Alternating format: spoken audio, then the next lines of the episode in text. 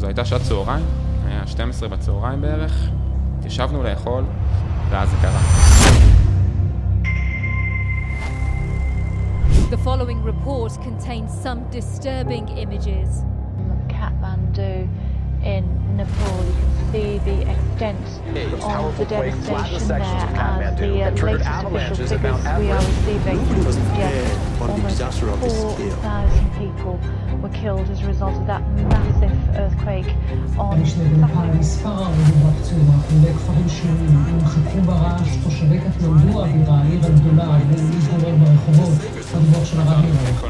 מסמכים, מצלמה, תמונות, ובין היתר גם כסף. ventilating. Getting rescue would be a freaking battle for my life. Whatever I do, there is no way I can survive this.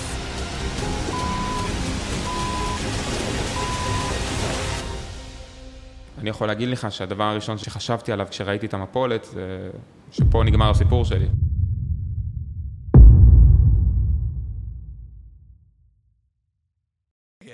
הסיפור שלי מתחיל ב-2015, אחרי שירות אה, משמעותי בצבא, הייתי מ"פ בתותחנים. אה, בדיוק הייתה תקופת צוק איתן, אה, היה שירות מאוד אה, אינטנסיבי, משמעותי, מאמן אה, המון חוויות מאוד משמעותיות שאני לוקח איתי עד היום. כמו הרבה ישראלים אחרים, אה, אחרי השירות הזה, אה, הרגשתי שאני צריך אה, לצאת, להתאוורר, לחפש את החופש, את העצמאות, הרי מגיל אפס אנחנו לא באמת עצמאים, על אחת כמה וכמה בצבא, ואפילו כמ"פ אתה בסוף חלק ממערכת. ואני חיפשתי את החופש הזו, זה הכמיהה הזאת לחופש, זה מה שהוביל אותי. ובינואר 2015 טסתי למזרח עם נעמה, שאז הייתה בת זוגתי. אה, התחלנו את הטיסה שלנו בפיליפינים, החופים המדהימים שיש לה להציע. אה, המשכנו לסין, שנעמה גדלה שם כבת שגריר. אה, תרבות מדהימה, באמת למדנו שם המון, אחד המקומות הקסומים שיש בכדור הארץ הזה. ואחרי תקופה של שלושה חודשים התפצלנו. נעמה טסה למשפחה שהייתה בשליחות בסיאול, קוריאה. ואני נפגשתי עם שני חברים טובים, יער ויובל, בנפאל, מדינה קסומה באופן יוצא מן הכלל. אה, ומה שלנפאל יש להציע בעיקר, מעבר לתרבות המהפנטת, אה, זה הנופים, שכולנו מכירים, הרי ההימאליה, אה, המושלגים שנושקים לעננים, והיה לנו ברור שזה היעד, היעד, לשם אנחנו מכוונים. התחלנו בנפורנה, אחד הטרקים המפורסמים, בערך שבועיים של הליכה, באמצע אתה עובר את הפס בגובה מטורף שבאמת נושק לעננים.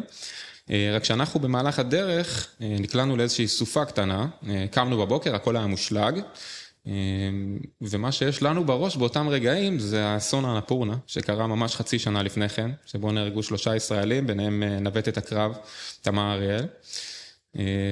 ועם ההבטחה להורים שלנו שאנחנו שומרים על עצמנו ועושים כל מה שאפשר כדי לא להיכנס לשטויות או הרפתקאות מיותרות, אנחנו מחליטים לרדת את כל ההליכה של השמונה ימים חזרה ולוותר על הפס, על הרגע המרגש הזה של אה, לחצות את הפס אה, ולגעת בשמיים. אה, אחרי כמה ימים של רפטינג, התאוששות וכזה, בחרנו לצאת לטרק נוסף. זה היה קשור כמה ימים יש לנו, לי היה בדיוק שבוע לטפס ולרדת ולפגוש את נעמה בתאילנד, ככה שהזמנים שלי היו מאוד מאוד קצובים. אה, ובאמת יצאנו לטרק שנקרא טרק הלנגטנג, אה, נחשב די פשוט, סך הכל חמישה ימים של הליכה, טיפוס, ירידה, אה, כשבאמצע מגיעים לנקודה מאוד מאוד יפה, קיאן ג'ינגרי, אה, בגובה אדיר של למעלה מ-4,000 מטר. והתחלנו לטפס, התחלנו לטפס, הנופים באמת היו מדהימים, אנחנו שלושה חברים בצד השני של, של העולם, נהנים סוף סוף השקט, החופש, העצמאות, החיבור לטבע הזה. לאורך כל הדרך מלווה אותנו נהר הלנגטנג שהוא באמת קסום ביופיו, והטבע היה שם במלוא עוצמתו, הפסגות שנחשפות ככה לפניך לאורך הדרך והטיפוס. וביום השני הגענו לכפר הלנגטנג. כפר הלנגטנג הוא כפר גדול, הכפר הכי גדול בעמק, יש שם כמה עשרות של בתים, בתי עסק, חיות, כמובן גסטהאוסים, בתי אירוח. וזה היה יום שישי, ונפגשנו עם עוד חבורה של ישראלים, ואני זוכר שאחד מהם סיפר לנו שהוא דתי לשעבר, והוא רוצה לעשות קידוש, אבל קידוש קצת שונה.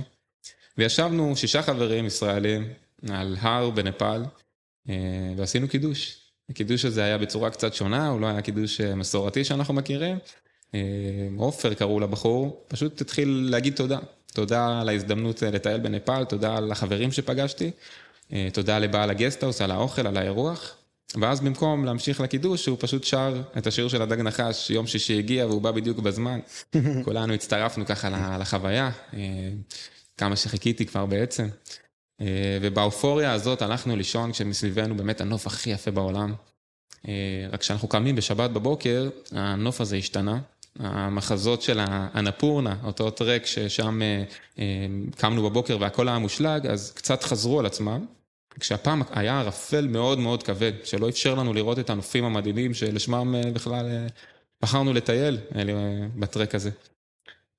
אחרי הרבה זמן של מחשבה והתלבטות בין שתי החבורות, וככה גם בינינו לבין עצמנו ועם הפורטרים, הנפאלים שמסייעים לנו ככה עם הציוד ובהדרכה, גם איתם התלבטנו, והחלטנו שלמרות הערפל אנחנו מטיילים וחוזרים את זה גם ככה עוד יומיים, אז מה שנפספס היום נראה עוד כמה ימים.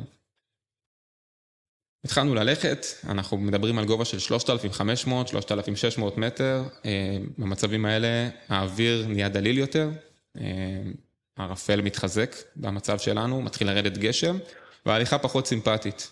אה, קשה מאוד לראות לאן הולכים כבר, אנחנו ככה כל 100 מטרים הערפל מתהדק ומתהדק. ואני זוכר שבאיזשהו שלב חציתי גשר ולא ראית את הצד השני שלו, ראית רק איפה הוא מתחיל, לא ראית איפה הוא נגמר, נכנסת לתוך ענן.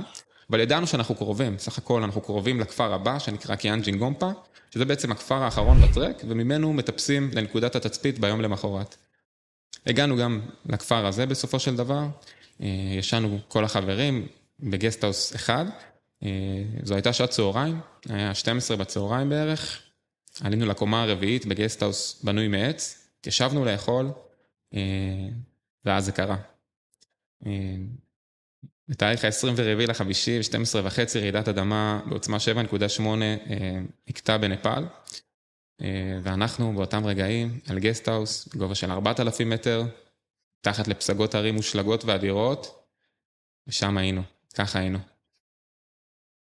ברגע שרעידת האדמה מתחילה, אתה מהר מאוד מבין שלא מדובר בסוג הרעידות, אה, א', לא ברעידה שהכרנו בכלל, לא, זו, זו עוצמה, זה רעש, זה, זה, זה תחושות שבחיים לא הכרת. כן, זה לא, לא דומה לכלום שהיה... ממש, האדרנלין מתחיל לפעול בעוצמות אדירות, אתה כבר לא חושב, אתה פשוט עושה. אה, אני אתאר לך רגע מה קרה סביבנו, אז הרעש הלך והתחזק, הבניין התחיל לרעוד מצד לצד כמו מגדל קלפים. דברים התחילו ליפול, כיסאות, אני ממש זוכר את הקומקום שהיה על הקיריים, פשוט נופל ונשפך. ואתה מבין מהר שזה לא מסוג הרעידות שאתה צריך ככה להתחבא מתחת לשולחן ולקוות לטוב, או מתחת למשקוף, כמו שפעם היו מלמדים בבתי הספר, למזלנו כבר לא. זה מסוג הרעידות שאתה צריך לרוץ הכי מהר שאתה יכול לשטח פתוח, ולקוות שתספיק. אז המבנה רעד לחלוטין. רגע, ואתם כולכם ביחד? בשלב הזה אנחנו ביחד, משחקים קלפים אחרי האוכל. וכולם באותו mindset שתיארת כרגע? כולם ב mindset של לברוח, לרדת למטה הכי מהר שאפשר. אני זוכר שהייתה, אני חושב בעלת הגסטהאוס המבוגרת התיישבה מתחת לשולחן, ואחד החברים פשוט תפס אותה ומשך אותה בכל הכוח. Mm. אה, יכול להיות שהצילה את החיים. אה, ואני תפסתי את הדבר הראשון שראיתי בעיניים, שזה מכשיר ה-GPS הלווייני שטסתי איתו מהארץ, אה, שאנחנו עוד נדבר עליו בהמשך. לא חשבתי יותר מדי, לקחתי את הדבר הראשון שראיתי ורצנו למטה. יובל, חבר שלי, שאיתו טיילתי, רץ ראשון אה, ונחבט בראשו מקורת עץ שנפלה עליו אה, תוך כדי הרעידה הזאת. שוב, הכל זז מצד לצד, נורא קשה לרדת במדרגות, אבל רצים הכי מהר שאפשר. אנחנו מבינים שסיכוי סביר שהבניין הזה הולך לקרוס עלינו ממש עוד כמה שניות. ירדנו למטה, הרעש עדיין היה חזק, זה מסוג הרעשים האלה שאתה מרגיש, אתה מכיר את הרעש הזה? כמו בס, כמו אופנוע שעובר לידך אה, על אלף סלט, ופתאום כן, אתה מרגיש... כן, מרגישים זה בלב. בדיוק, אתה מרגיש איזו תחושה כזאת בחזה, זו, זו תחושה של רעידת אדמה בעוצמה כזאת. אמ, שניות עברו, הרעידה ממשיכה, הסתכלתי על יובל וראיתי שהוא מדמם מהראש, התחלנו כולנו לחפש איזשהו, איזושהי פיסת בד שנוכל לעצור את הדימום.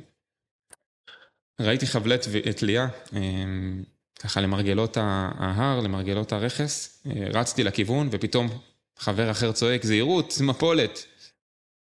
אני מסתכל למעלה על ההר, אותו הר שהיינו צריכים לטפס אליו סך הכל מחר עוד כמה 12 שעות. וכשאני מסתכל על, על הפסגה שלו פשוט חשכו עיניי, אני רואה מפולת שלגים אימתנית אה, ברוחב של כל ההר ובגובה של עשרות מטרים פשוט דוהרת לכיווננו במהירות שיא. אה, ואם דיברתי על האדרנלין קודם בזמן הרעידה אז עכשיו זה מכפיל את עצמו פי שתיים או 3. ובמצבים כאלה יש לך שתי אופציות, נכון? fight or flight. אה, היום או גם יש... freeze. או פריז, בדיוק, כן. היום כבר יש F שלישי. אה, להילחם במצב כזה, לא באמת. אה, פריז עדיף שלא, בשבילך, ומה שנותר לנו זה רק אה, לברוח. אה, כל אחד במקרה הזה כבר היה ממש עם עצמו, מה, אבל אה, יובל בשלב הזה מדמם והוא בהכרה, הוא כאילו... נכון. הוא יכול לדאוג לעצמו, או שאתה צריך לטפל בו? הוא, הוא יכול לדאוג לעצמו, Mm. זו פגיעת ראש אמנם, אבל uh, הוא יכול לדאוג לעצמו. אז כל אחד נתון ל- לעצמו, ו- אבל זה אפשרי, כאילו. Uh, אני יכול להגיד לך שהדבר הראשון שראיתי, uh, שחשבתי עליו כשראיתי את המפולת, זה שפה נגמר הסיפור שלי, פה מסתיים באמת? הסיפור של שחר זכאי כמו שהכרתי אותו, ולא חשבתי שיש איזשהו סיכוי שאני שורד. העובדה שהרגליים שלי עבדו וגרמו לי לברוח ולתפוס מחסה, uh, זה הדברים שיש לנו בפנים, האדרנלין. יצרי, זה לא... לגמרי. אה, אפס מחשבה, הרבה אינסטינקטים. רגע, ומה, אם אפשר להתעכב על התחושת... אה, אה, איך קוראים לזה? near death experience, כאילו, אתה... אתה אומר שממש... אתה שחררת, כאילו. אתה... היה לך באותו רגע הבנה שזהו. כן, ובכל זאת מה שמוביל אותי בא- באותם רגעים זה הרצון לחיות. זה מה שגרם לרגליים שלי להתחיל לפעול ולרוץ ולברוח בצד הנגדי למפולת האימתנית הזאת. אה, ועל אף שלא ראיתי הרבה סיכויים, המספיק שיש שבריר קטן שנותן לך תקווה, וזה מה שמפעיל אותי. יותר הפחד מלמ- מהפחד מלמות, מה שהפעיל אותי זה התקווה להישאר בחיים. וואו. רצתי בצד הנגדי, אה, מצאתי מחסן עץ קטן ופשוט התחבאתי מאחוריו. אה, תוך רגעים הגיעו תייר נוסף מבוגר ואותה בחורה נפאלית מבוגרת שהיא כנראה בעלת הגסטהאוס והתיישבו משני צדדיי. המפולת שהגיעה הביאה איתה איזה רוח אדירה, משב רוח אדיר שפשוט העיף אבן ליד שלי והפיל את המכשיר הלווייני שהחזקתי לפני שהספקתי ללחוץ עליו. זה לא עניין אותי באותם רגעים, כי לא חשבתי שאני אזכה ללחוץ עליו שוב, אבל מה שעשיתי זה, מאחורי המחסן תפסתי את הראש בין הרגליים ורק חיכיתי שהמפולת הזאת והסופה יעברו. המפולת פגעה בנו בעוצמה אדירה, בנו פיזית או במחסה? פגעה במבנה, במבנה. אה, בעוצמה באמת אדירה, והשניות הבאות, זה, אני זוכר שממש הייתי צריך לצבות את עצמי כדי קודם כל לראות שאני בחיים, שהיא לא שטפה אותי איתה כמו שחשבתי שיקרה. הייתי בחיים, הכל בסדר, רק שהמפולת אמנם הגיעה ועברה, אבל היא הביאה איתה איזו סופה אדירה אה, שלא נגמרה. הסופה הזאת הרגישה לי כמו נצח, ראיתי כמו בהילוך מהיר את השלג מתחיל להיערם ככה על הרצפה ועל הידיים שלי ועל הפנים, והרגשתי שהטמפרטורה צונחת מתחת לאפס תוך כמה שניות. ופתאום מצאתי את עצמי בצרה אחרת. אמרתי, מה מה קורה פה? אם, אם השלג הזה לא מפסיק אה, לרדת ולהיערם עליי, אני אה, אקבר פה מתחת לערימות של שלג תוך דקות ספורות.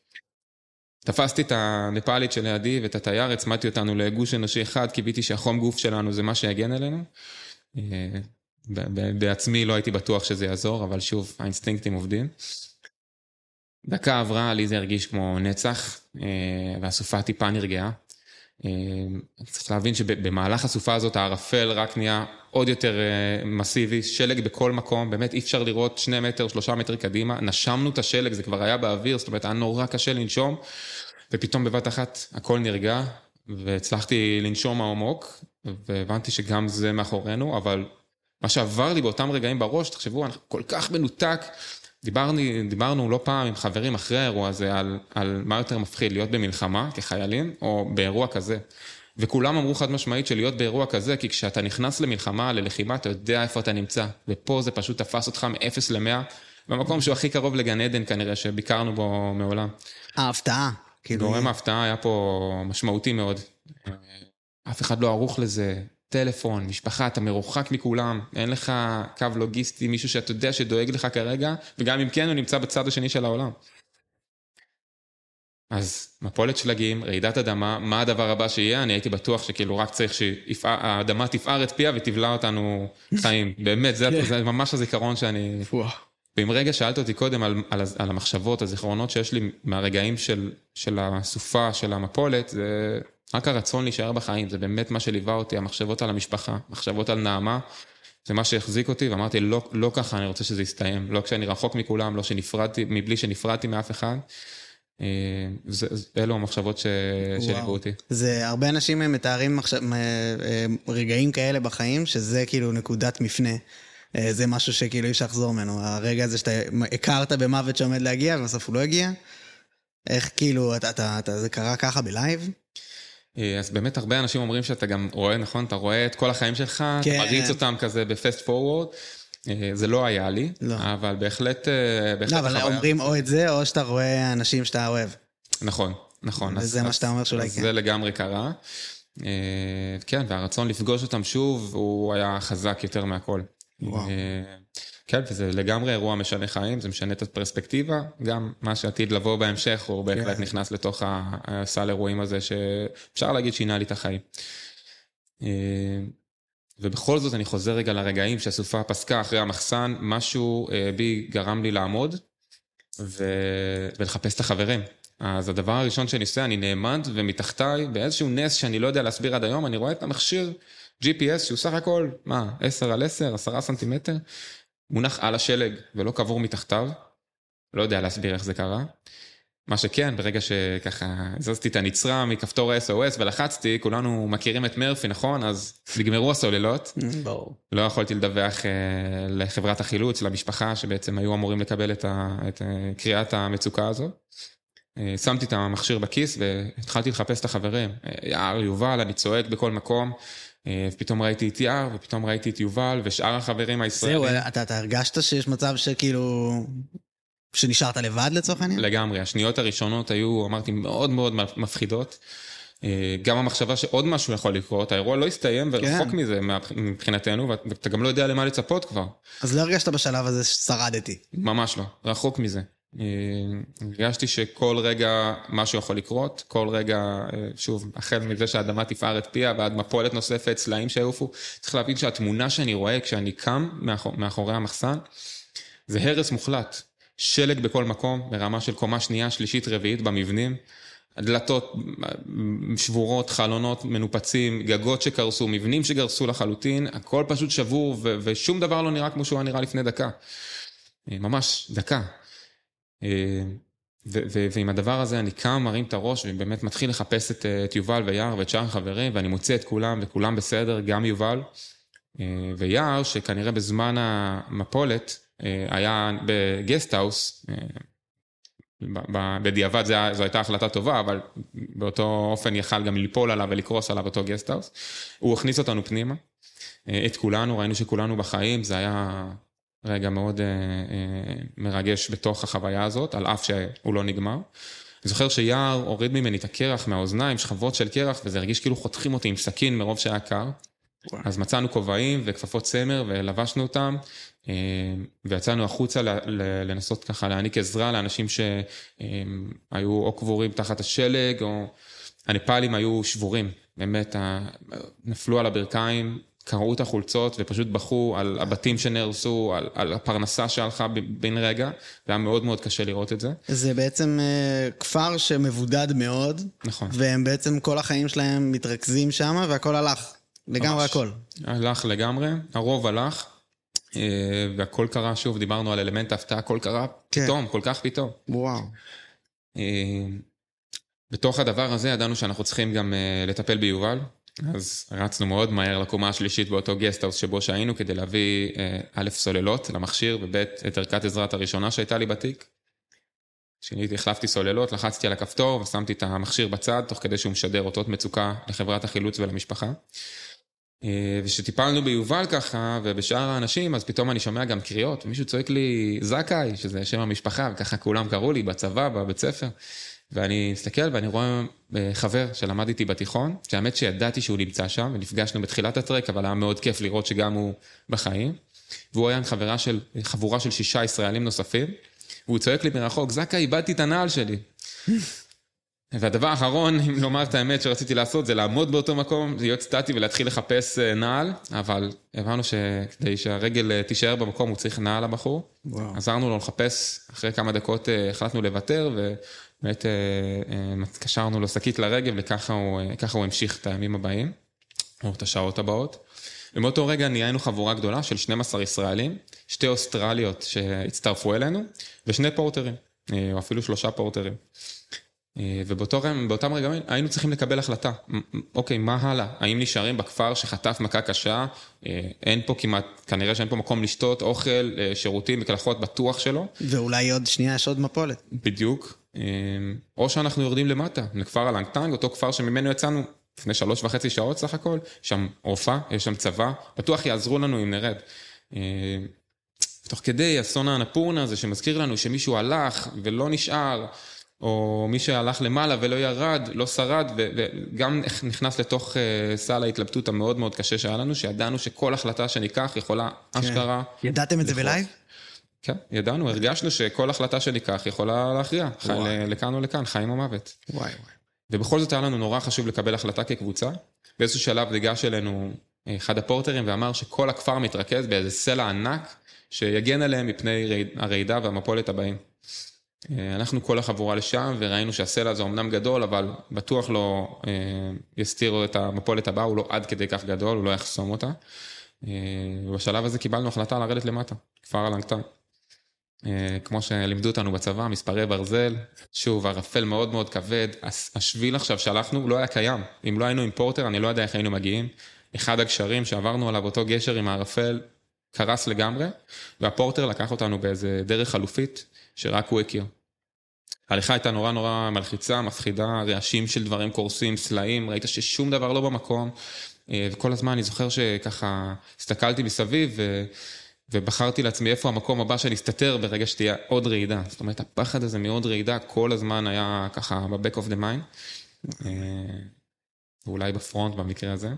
אה, ותוך כדי שאנחנו יורדים, פגשנו איזו קבוצה של תיירים, הסתכלנו, התחלנו לדבר, לרחרח, למה עצרתם, לאן אתם הולכים. והדבר הבא שאני זוכר זה שקיבלנו פנייה בעברית של בחור שאומר, חבר'ה, אתם ישראלים, נכון? אמרנו, כן. אמר, הלאה, נעים מאוד, קוראים לי גיא, אני הייתי חובש בצבא, ואני אשמח להצטרף אליכם, להיות איתכם. גיא תהיה לבד, והדבר הראשון שעשינו זה להחביר אותו ליובל, שיראה את המצב בראש, הוא אמר, אוקיי, הוא, הוא בסדר, כאילו, יש פגיעה, אבל הוא בסדר, בואו נגיע למקום בטוח, לכפר הלנגטן. ונטפל בו שם. המשכנו לרדת, תהליכה שוב מאוד מאוד קשה, חלקלקה, אה, גם מבחינת אבנים, שלג בכל מקום, וכשהיינו כבר נורא נורא קרובים ללנגטנג, הרגשנו שאנחנו קרובים, הלכתי עם יובל בקדמת הטור, ופתאום אני שומע איזה שהן קריאות. אני שואל את יובל אם הוא שמע את הקריאות, והוא אומר, כן, זה בטח חיה פצועה, עזוב אותך, בוא, בוא נמשיך ללכת. הכי גרוע זה להישאר במקום. וכשהמשכתי ללכת, הקריאות התחזקו, ופתאום שמעתי קריאות, help, help, מישהי צועקת, לאט לאט זה מתחזק, קריאות לעזרה. הסתכלתי ימינה, ראיתי איזה בית תה כזה הרוס לגמרי, הגג שלו קרס. זרקתי את התיק, רצתי לתוך אה, בית התה לראות אה, מי נמצא שם. כשנכנסתי לחדר, אה, הגג קרס לגמרי, הייתה מיטה בודדת שהייתה בפינה, ועליה שכבה אישה הולנדית, בת 60 לערך. החולצה שלה ככה קצת עלתה למעלה וראיתי שהיא ספגה פגיעות מאוד מאוד קשות, סימנים כחולים מאוד משמעותיים בבטן, גם בפנים. אה, ניסיתי לדבר איתה, להבין מה קרה, איך היא הגיעה לשם, מה מצבה, בהתחלה היא דיברה אנגלית ורק ביקשה עזרה, ומהר מאוד האנגלית התחלפה להולנדית, וכבר לא הצלחתי לתקשר איתה. אמרתי לה שיהיה בסדר, ניסיתי להרגיע, אה, רצתי החוצה, קראתי גם לגיא, החובש שזה עתה פגשנו, אה, וגם קבוצת התיירים שהלכה מאחורינו, שאלתי אם מישהו דובר אה, גרמנית, הולנדית, אבל אף אחד לא התנדב. חזרנו כל הישראלים, או חלקנו לפחות, לתוך החדר. גיא בדק אותה ואמר שאם תוך כמה שעות היא לא תגיע לבית חולים, היא כנראה לא תשרוד, ספגה פגיעות פנימיות מאוד מאוד קשות. בדרך פלא מצאנו אלונקה מאולתרת מחוץ לחדר, אה, וחצי מחבורת הישראלים פשוט לקחה אותה על הכתפיים, ככה למדנו בצבא, נכון? לא להשאיר אה, פצועים מאחור. אה, ועם התיקים של עשרות קילו עלינו, ועם השלג והדרך החלקלקה, פשוט ניסינו להוביל אותה למקום בטוח, לכפר אלנגטן. אחרי כמה מאות מטרים של הליכה הגענו לאבלנץ'. מי שלא יודע מה זה בדיוק אבלנץ', אז דמיינו איזה נחל כזה שהיית צריך גשר כדי לחצות אותו, כשהגשר כבר לא קיים, כי הגיעה מפולת שלגים אדירה מההר ופשוט מילאה את החריץ, מילאה את הנחל הזה, עד לגובה שאתה יכול ממש ללכת עליו. זאת אומרת, שלג בגובה של שישה, שבעה מטרים.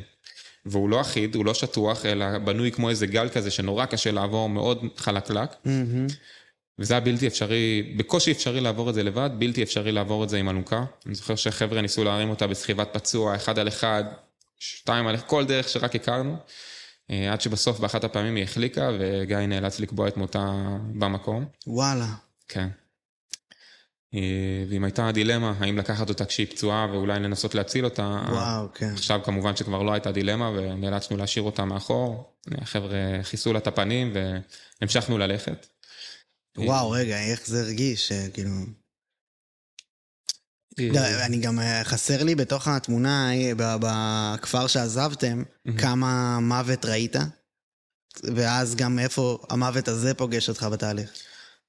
בכפר הראשון, בקיאן ג'ינגומפה, לא ראינו מוות, ראינו בעיקר הרס. אה, לא פגשנו מוות ככה אה, פנים אל פנים. חשוב להגיד שיש כאילו אה, אלפי הרוגים מאותה רעידת אדמה. נכון, כאילו, זה לא... נכון, קרוב לעשרת אלפים הרוגים חם. אדמה בנפאל, הרעידה הזאת הייתה סופר עוצמתית ומשמעותית.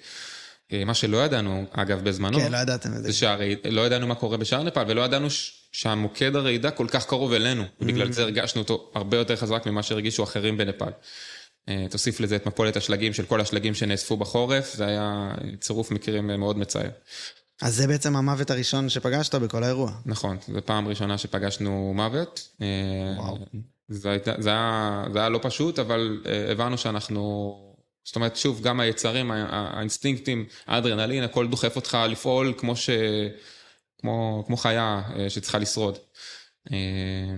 חוזרים, ל... חוזרים לבסיס שלנו כבני אדם. כן, ממש.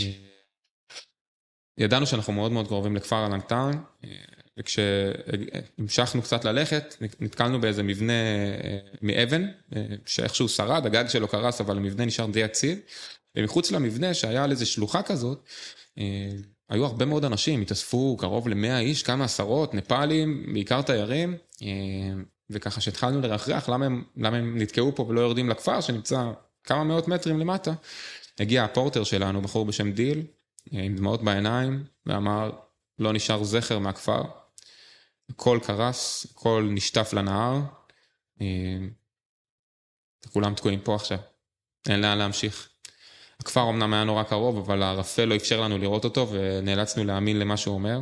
אה, והבנו שבאותו רגע אנחנו תקועים, ואנחנו הולכים להעביר את הימים הבאים פה. וזה לא פה, לא שם, זה באמצע. נכון. וואו. אה, לעבור חזרה את האבלנט כן. אין סיכוי. אה, גם עוד מעט מתחיל להחשיך, וממש אתה לא רוצה לעשות את המסע הזה בחושך. אז זה היה בעצם בחירה לא טובה, כאילו לעזוב. או ש... אה, יכול להיות, יכול להיות, כן, לא ידענו כמובן מה קורה בכפר הלנגטן, חשבנו שיש שם כפר שיקבל את פנינו ויטפל בנו, ולימים הבנו שזה הפוך לגמרי, כפר קרס, נחרב, זה, זה לפחות מה שידענו באותה, באותם רגעים.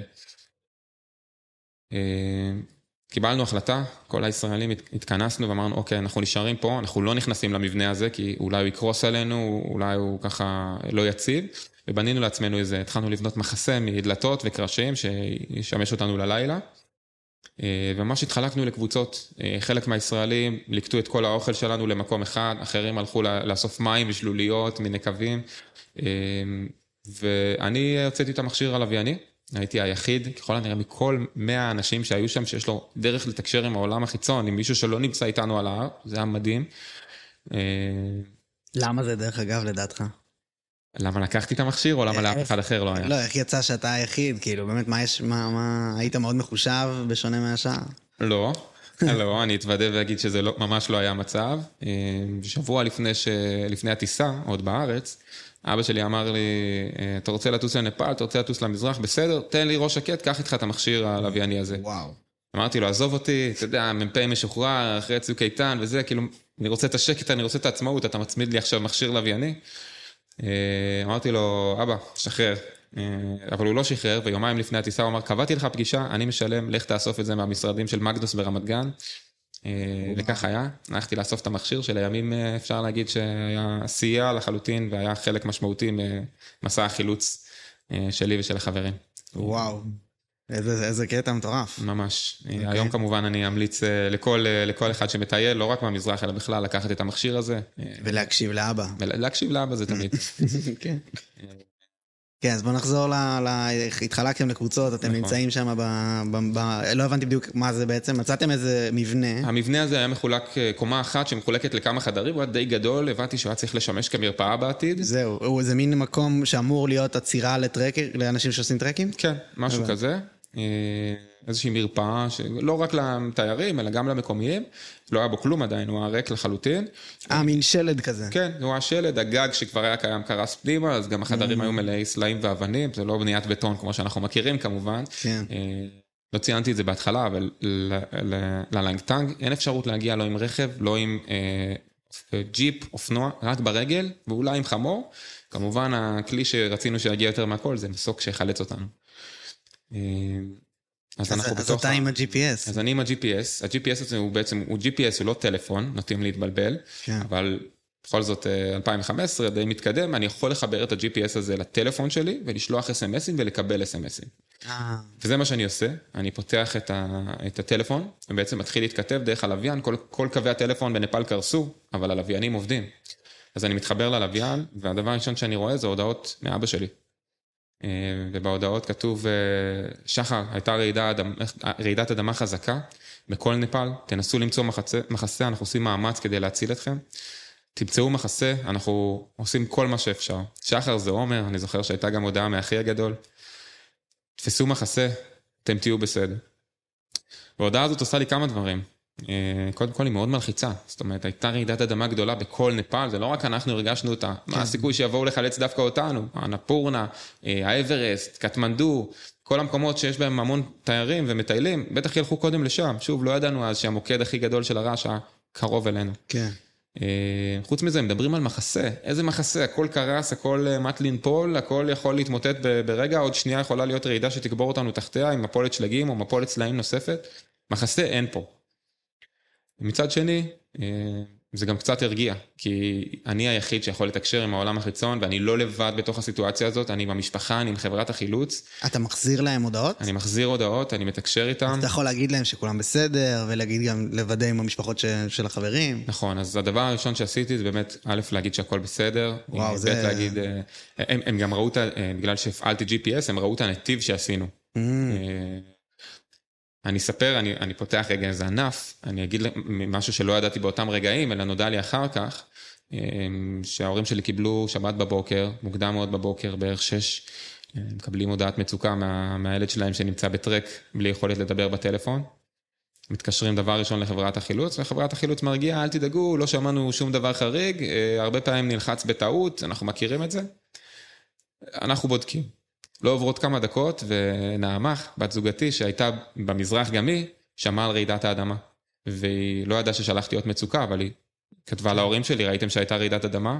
שם כבר ההורים שלי עשו אחד ועוד אחד, ובעצם המשפחה שלי, יחד עם נעמה ואבי השגריר, היו הראשונים לדווח למשרד החוץ ולישראל על זה שהייתה רעידת אדמה בנפאל. וואו.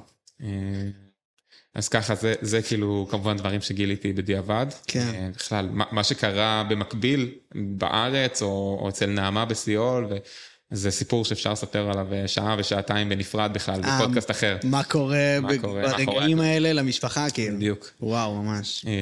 אני הבנתי אבל שכאילו בשלב הזה זה כן כבר, אה, כאילו היה מאוד מסוכר בכל העולם, הרעידה. אז אולי כאילו זה היה הראשון, באיזשהו שלב זה נהיה תקשורתי. נכון, נכון, אה, באיזשהו שלב זה נהיה תקשורתי, אני, אני גם אגע בזה בהמשך, אבל כן. אה, זה היה מאוד, אה, מאוד, בכל מקום. כן. עד רמה שיש הקלטה של ביבי, שאז היה ראש הממשלה אומר, אנחנו נעשה את כל המאמצים כדי לחלץ את הישראלים מנפאל, ובראש ובראשונה את הישראלים שתקועים בלנגטן.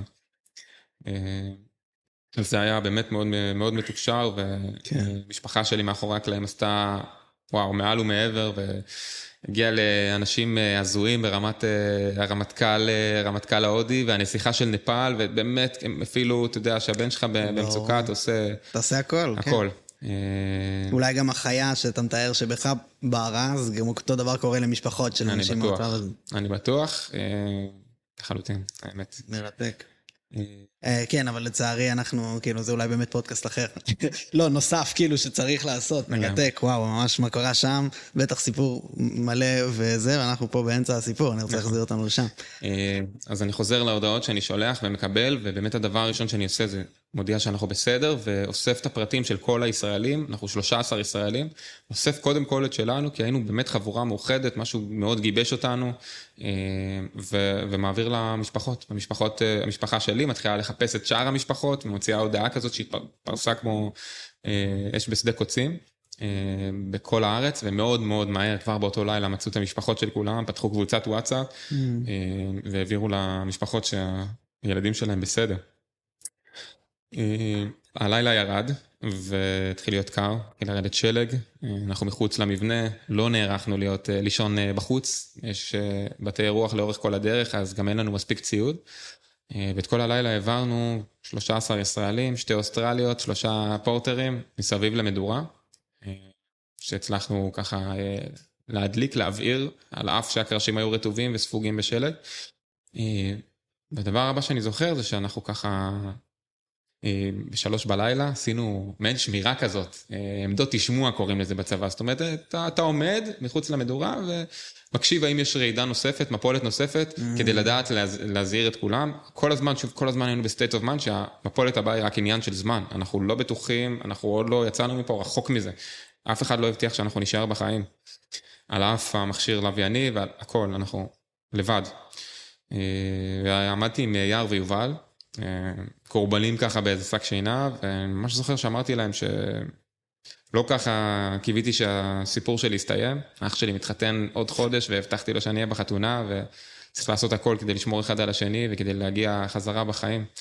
אה, זאת אומרת, באמת, זה, זה משפט שמראה כמה, כמה פחד עוד היה בנו, אה, מהעובדה שלא זהו, לחזור לארץ. ניסיתי להבין תוך כדי שאמרת, האם זה פחד או שזה מין מוטיבציה נורא חזקה לחיות, כאילו. אני חושב שזה השילוב, כמו שאמרתי, המוטיבציה, התקווה הזאת, מה, ש...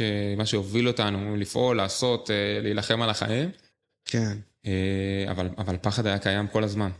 אה, וכמה שעות אחר כך, עדיין חושך, אני רואה כמה דמויות מגיעות פתאום מלמטה, מכיוון הכפר שנהרס לגמרי, ולא הבנתי איך אנחנו רואים את זה, כי, כי כולם נהרגו שם לפי מה שהבנו, אבל מגיעים כמה נפאלים, עם נפאלית אחת על הגב, מבוגרת ומאוד כואבת.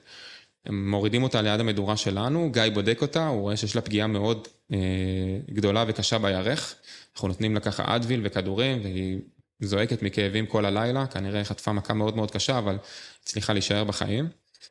אה, ואת הלילה הזה העברנו אה, עם המון פחד, בלי הרבה שינה, אה, המון חששות, אבל העברנו אותו. ובחמש בבוקר השמש התחילה להפציע, ויובל, היחיד שנפצע בראש שלו, קם על הרגליים ואמר, יאללה חברים, אנחנו פה מתחילים לעבוד.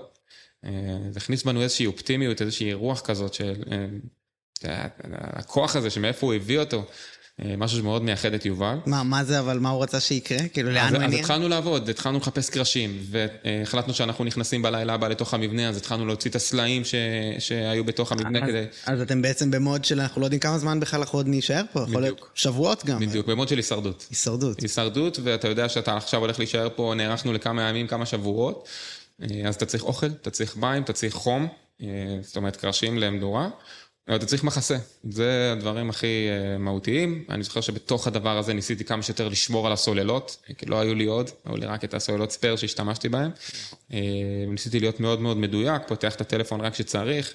אה, שומר עליו, לאורך הדרך גם התחלתי ככה לפרסם, אה, אה, ההורים שלי פתחו חמ"ל בבית והתחלתי לזרוק להם שמות של תיירים נוספים שהיו איתנו, שהתחברנו אליהם ושביקשו, שהבינו שיש לנו מכשיר וביקשו שנודיע למשפחות שלהם שהם בסדר, אז אבא שלי התקשר לכל מיני מקומות בעולם בלי לדעת לאן הוא מתקשר, באיזה שפה הולכים לענות לו. וואו. והודיע לאנשים שהמשפחות שלהם, שהילדים שלהם בחיים.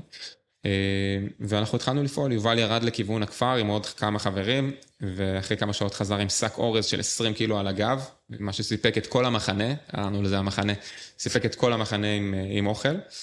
אה, זה מה שאכלנו שם, אורז שבישלנו על האש. אני התעסקתי לפנות סלעים, לאגור קרשים, ו...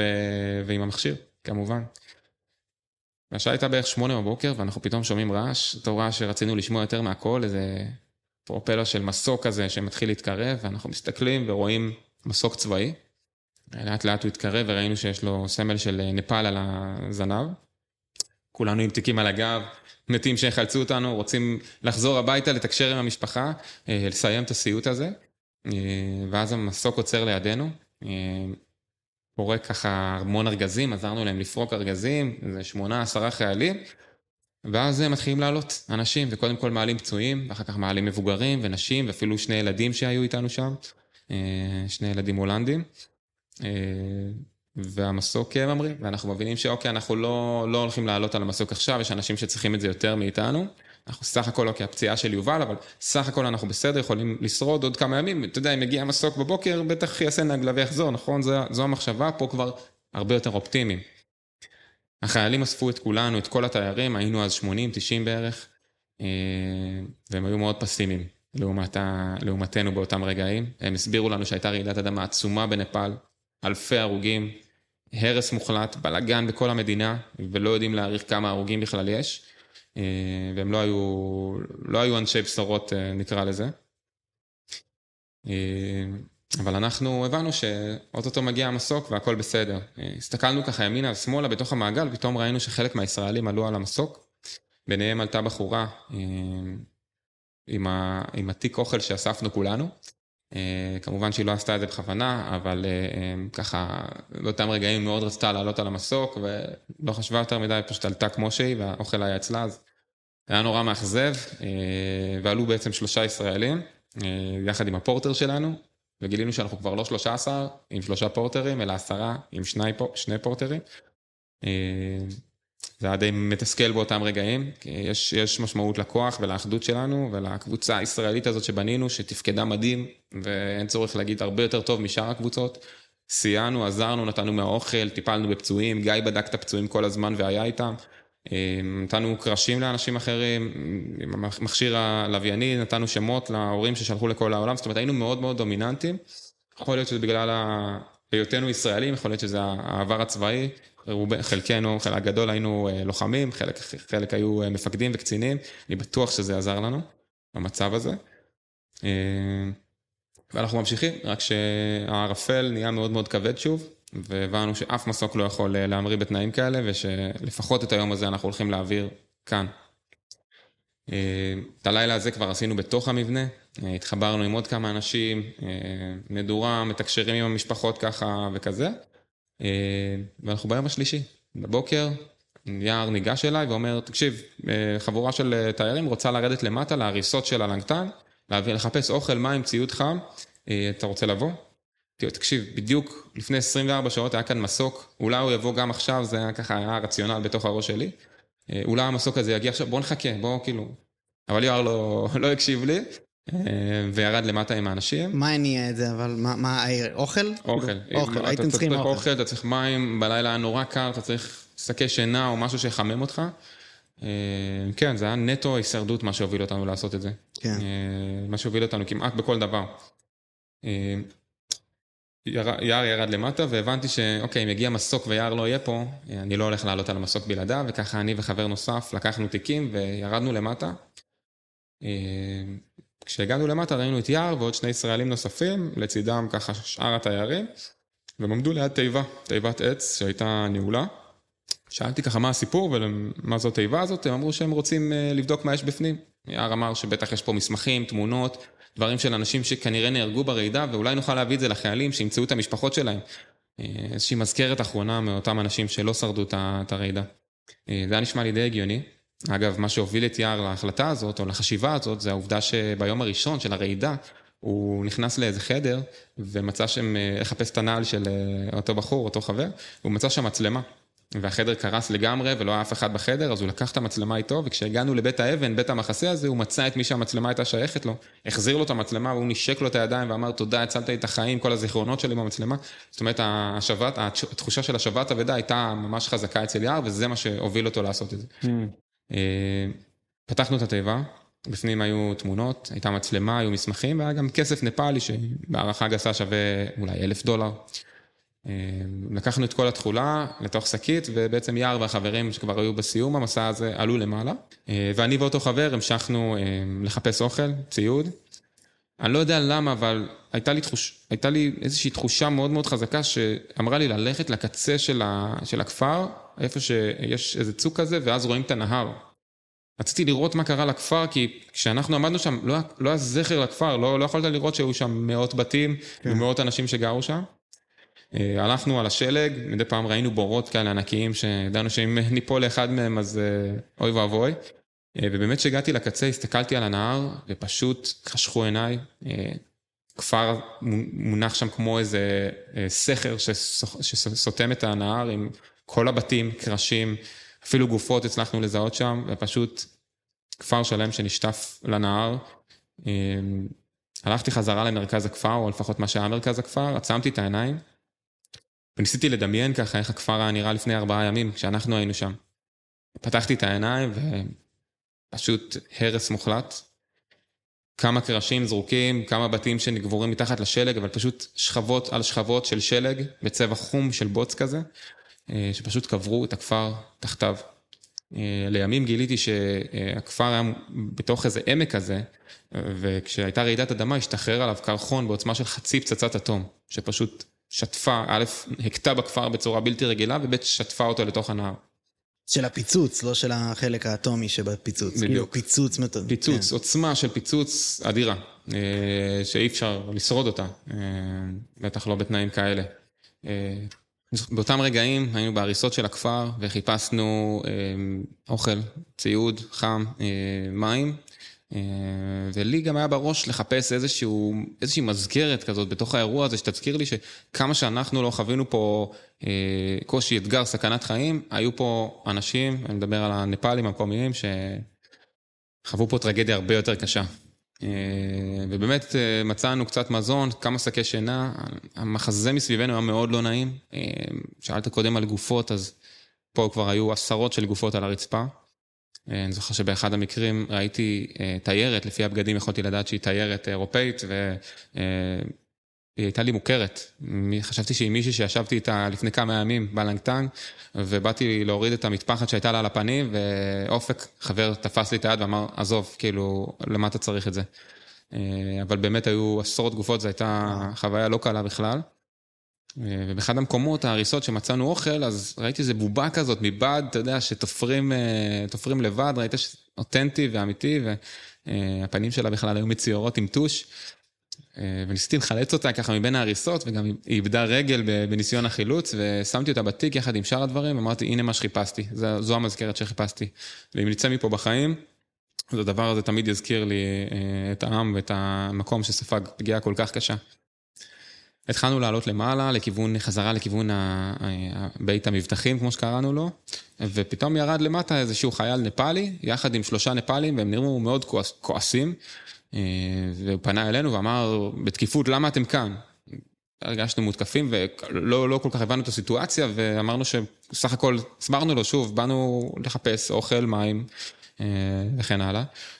הוא אמר, מי שאיתי הם נפאלים, הם מהמקום, הם מהלנגטנג, והם מאוד לא אהבו את זה שאתם יורדים. בכלל למה ירדתם בלי לבקש אישור, והרגע עלה ישראלי למעלה עם כסף ונהיה בלאגן, אל תרדו לפה יותר. תראו לנו מה יש לכם בתיק, הם ביקשו לראות. עכשיו, אוכל, מים, ציוד, יכולתי להסביר, אבל את הבובה הזאת, למה לקחתי אותה? למזלי, אופק פתח את התיק שלו, והם הסתפקו בזה, הם אמרו לנו, תעלו למעלה, וכל ציוד שהבאתם אתם שמים במרכז הכפר. זו ההחלטה שקיבלנו. ישר הבנתי שהיה בלאגן סביב הציוד שיער הביא, אבל לא הבנתי כמה. עליתי למעלה, ובאמת יער ניגש אליי ואמר לי שהוא היה מאוד נסער.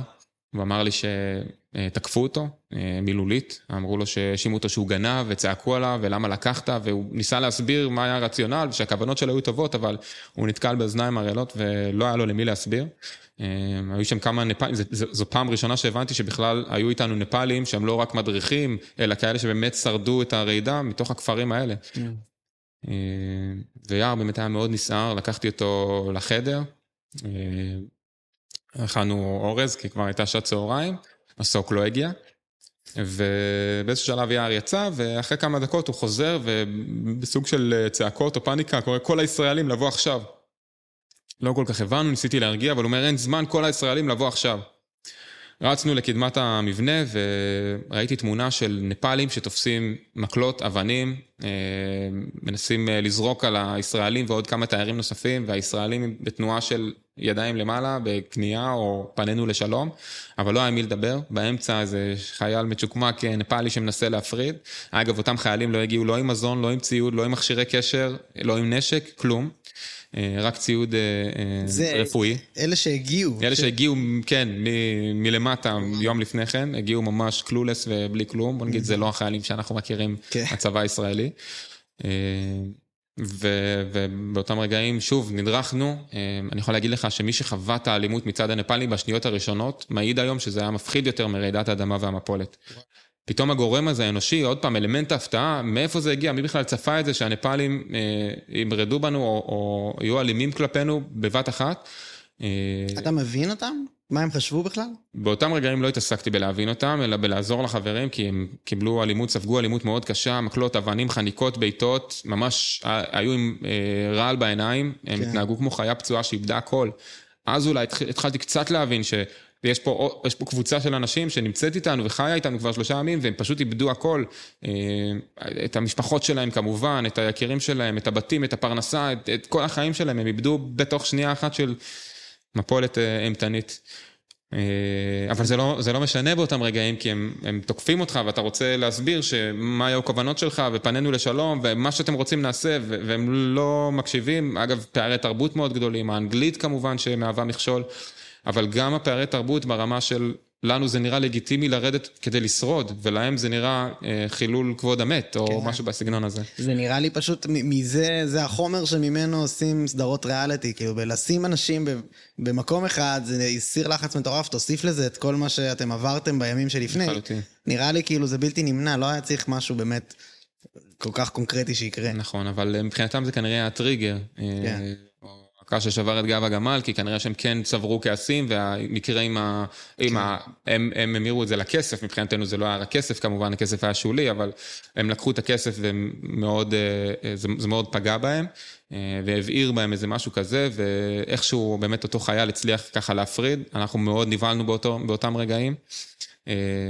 אה, אגב, לא סיפרתי שבזמן הזה, כאילו אנחנו כבר ביום השלישי, אבל רעידות אדמה כל הזמן חוזרות, אה, מה שנקרא אפטר שוקס. כן.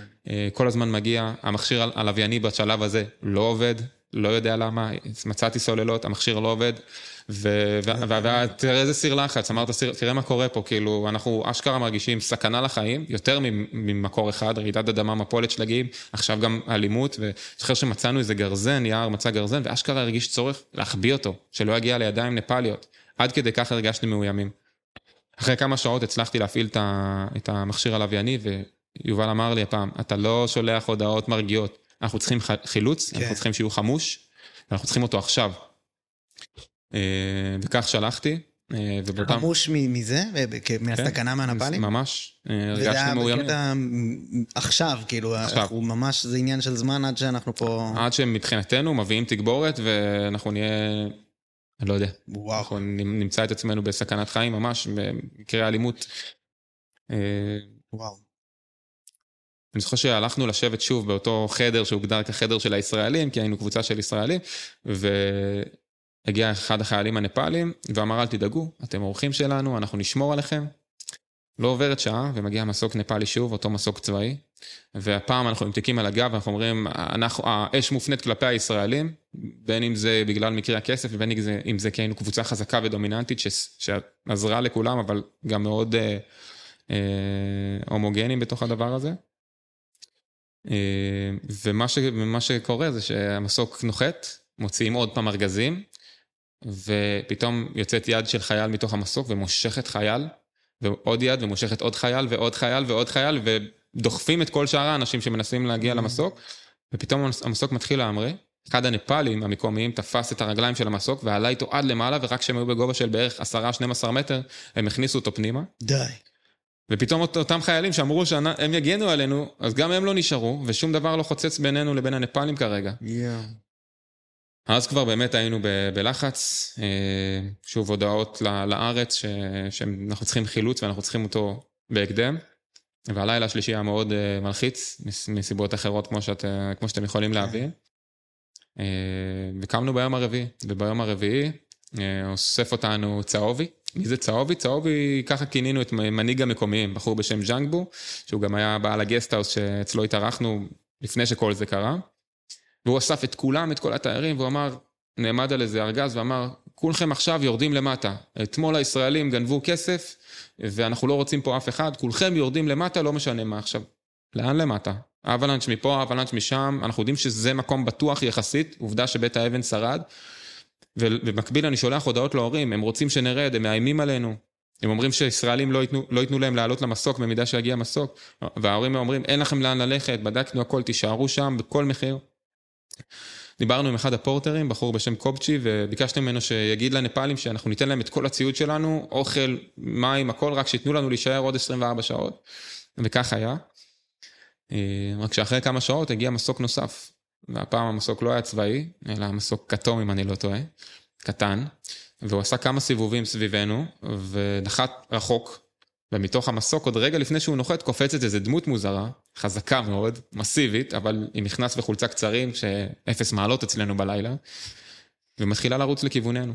וצהובי, אותו מנהיג המקומיים עם המעיל הצהוב, רץ לבחור הזה, והם קצת מחלפים ככה כמה מילים, וממשיכים אלינו. כולנו נאספים כמובן לראות מי הבחור המוזר שכשכולנו רוצים לצאת מפה הוא הגיע. והוא פונה אלינו דבר ראשון ואומר, אה, חבר'ה, יש פה ישראלים? אנחנו בשוק, הוא מראה את זה בעברית, ואמרנו, כן, אנחנו, אנחנו ישראלים, אתם, אתם עם המכשיר? אמרנו, כן, זה אנחנו. יופי. ואז הוא פונה לכולם ואומר, חברים, אני באתי לחלץ את כולכם. אה, זה מרגיע מאוד, זה נותן לנו ככה לנשום סוף סוף ככה לרווחה. אה, יש פה מחלץ, הוא ישראלי, והוא בא לחלץ אותנו. פשוט תחושה מדהימה, שאולי סוף סוף זה באמת הגיע הסוף. הוא מכנס את כולם, הוא מסביר מה המצב בנפאל, עושה את זה בצורה מאוד מאוד מקצועית. לבחור קוראים יוחאי ליליאור, הוא, אה, יש לו חברת חילוץ בשם רסקי 1, והוא בא לחלץ אותנו מטעם חברת הביטוח הראל. אתה יודע להגיד מה, מה, מה הוביל אותו לספציפית הוא שיגיע והכל? אה, זה היה ככה מכלול של המון המון דברים, היו המון חברות חילוץ באותה, ישראליות ובכלל בנפאל באותה תקופה, והוחלט שהוא יהיה זה שמגיע אלינו.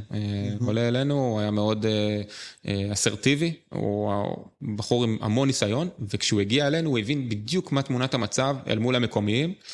והוא ידע שהוא צריך לרכך אותם, אני הייתי בטוח שאיפשהו הוא מסתיר אקדח, כאילו אמרתי, לא הגיוני שהביאו לפה אחרי כל ההודעות שלנו בחור אחד, לא חמוש, לא יכול להיות, מה יש לו בתיק, בטוח אקדח. אה, אבל לא, הוא בא והוא ידע בדיוק מה הוא עושה, והוא דיבר עם המקומיים, והוא הרגיע אותם, והוא נתן להם את התחושה שאנחנו ביחד, we are together in this, by hook או by cook, הוא אמר להם. והפנה את זה בעיקר כלפי הנפאלים ש, שהיו שם, וכנראה שהייתה תחושה שיחלצו את כולם וישאירו אותם מאחור להתמודד עם האסון. אה, וזה בדיוק מה שהם היו צריכים לשמוע כנראה. אה, והוא התחיל לאסוף ככה כתובות וטלפונים של כולם כדי להעביר את זה לשגרירויות, ובאיזשהו שלב אחרי ככה איזה שעה וחצי, שעתיים, המשכתי לו בחולצה ואמרתי לו, יוחאי, בוא דבר איתנו, מה קורה איתנו? והוא אמר לי, תאסוף את כל הישראלים, ונאספנו עשרה ישראלים ויוחאי, והוא אומר, או, oh, איזה כיף שאפשר לדבר בעברית. חבר'ה, המטרה הראשונה שלי היא לחלץ את כולכם כמה שיותר מהר. אנחנו משתדלים ככה, מצד אחד, איזה איזה הקלה, ומצד שני אנחנו שומרים על החיוך כמה שיותר מאופק, שלא יראו ויחשבו שחלילה הוא בא לחלץ רק אותנו, כי זה גם לא היה המצב. מה אתה חשבת על זה דרך אגב, שזה לא המצב? כאילו, הוא בכנות בא לעזור לכולם. הוא בכנות בא לעזור לכולם, אבל הוא בכנות גם אמר לנו שאנחנו המשימה הראשונה שלו. ידענו שהמסוק הבא זה רק עניין של זמן, יוחאי עם טלפון לווייני, כבר בא מסודר, ידע בדיוק אה, להגיד איפה וזה, אבל אז הוא התחיל לדבר בכל מיני מונחים שלא הבנתי, אבל פחות אהבתי, כמו בסיס הענן, הוא יורד, הוא גדל. אה, והבנו מהר מאוד שמסוק לא יוכל להגיע בתנאים האלה שוב, אנחנו כבר ביום הרביעי, ואנחנו כבר צמאים ורעבים, ועייפים מאוד ומותשים. אה, ויורד גשם באותו לילה, יוחאי עוזר לנו כמו איזה סופרמן לבנות גג ככה עולה למעלה ומטפס ומושך קרשים, והבחור הזה יודע מה הוא עושה, זו התחושה. אמ, זיכרון הבא שלי זה שאנחנו יושבים שוב כל הישראלים, יחד עם יוחאי, אה, מעבירים את הלילה שוב סביב המדורה. אני יושב על איזה ארגז מעץ, וככה לאט לאט מתחיל להיות לי יותר מטושטש ויותר מטושטש, ותמונה הבאה שאני זוכר זה שאני על הרצפה, הפנים למעלה, מעליי החברים, אה, שופכים עליי מים, וככה מנסים לתת לי סוכר. אה, כנראה התייבשתי, אמ, מים היו מלאים בבוץ וחול ולא בדיוק היו הדבר הכי אה, נקי. אה, מה גם שהיה כל הזמן קר, אז לא שתיתי הרבה. אה, וכנראה ברגע שיוחאי הגיע, הרגשתי משהו בפנים, הרגיש לי כאילו אפשר לשחרר סוף סוף. הבוקר הגיע, העננים סוף סוף התחילו להתפזר, ושיירת של מסוקים פתאום מעלינו ומסביבנו, ואנחנו אומרים, אוקיי, היום זה היום. ובאמת מסוק אחד נחת לידינו, אותו מסוק שהביא את יוחאי. ויוחאי בא אליי ואומר לי, חביבי, תתארגן, אתה עולה על המסוק. אמרתי לו, מה פתאום, אני לא עולה בלי החברים שלי ובלי כולם, ואומר לי, תקשיב, אתה במצב שצריך לפנות אותך, אה, בוא תעלה. עוד פעם, אה, דין ודברים, אני לא רוצה לעלות, והחברים באים ואומרים לי, אל תדאג, אנחנו עולים איתך. אני עולה למסוק, הם לוקחים ממני את המכשיר הלווייני שיישאר איתם, ואומרים לי, בהצלחה, ניפגש למטה. וואו. אה, רגע לפני ההמראה, יוחאי מתיישב מקדימה, דורון הראל, אה, מטפס ישראלי וגם איש חילוץ, יורד במקומו. אה, ו- ולידי מתיישב לא אחר מאשר אותו ז'אנגבו, צהובי, שיוחאי הבטיח לו שהוא יורד למטה, ומלמטה יהיה לו יותר קל לנהל את העניינים ולהביא חילוץ וכדומה. אה, העצבים שבערו בי בגוף באותם רגעים, אני לא יכול להסביר בכלל, האיש שגירש אותנו, שהיה אלים כלפינו, שהמריד את כל הנפאלים כלפי הישראלים, פתאום יושב לידי ואני בוער, אבל גם כל כך חלש פיזית מכל האירוע הזה, שאני פשוט יושב שם ומסתכל, והמסוק ממריא, ואנחנו ככה עושים כמה סיבובים סביב ההרס בכפר הלנגטנג, ווואו, זה היה מחזה מחריד. אה, לראות את ההרס הזה מלמעלה, ואותו ז'אנגבו מתחיל ככה בכי חרישי ודמעות שזולגות על העיניים, ופתאום קצת הצלחתי להיות יותר אמפתי כלפיו. אה, ואנחנו באמת יורדים למטה, עם איזושהי תחנת ביניים אה, הזויה באמצע, שמצטרפת אלינו איזו ילדה פצועה שמתיישבת עליי ופשוט נרדמת, נפאלית. ועוד חיילים נפאלים שמנסים להוציא אותנו מהמסוק, כי הם חושבים שמישהו אחר צריך להיכנס ויש אנשים שזקוקים לזה יותר, ויוחאי ממש עודף אותם, ו... והכל אני רואה באיזשהם הבזקים כזה בין עצימת עיניים לעצימת עיניים. ואנחנו מגיעים למטה לאיזה בסיס צבאי, ומטפלים בי קצת, ונותנים לי אוכל, ומזג האוויר פתאום משתנה לחלוטין, ושמש, ווואו, מה קורה פה מסביב. והמון המון פצועים שבאים להיות מטופלים, ויוחאי ניגש אליי בזמן שאכלתי, ואמר לי, כך, יש מישהו שמאוד רוצה לדבר איתך בטלפון. ורק אומר לי עוד משפט אחד, אם מתקשרים אליך כל מיני אנשים אחרים, אתה לא חייב לענות. ועל הטלפון הופיע המספר של אבא שלי. הייתה שיחה מאוד מרגשת, בלי הרבה, בלי הרבה מילים, אבל המון רגש. זו הייתה הפעם הראשונה שדיברתי עם המשפחה, אחרי שכמעט כמעט איבדתי אותם. או הם איבדו אותי. הם אותך, כן, כנראה.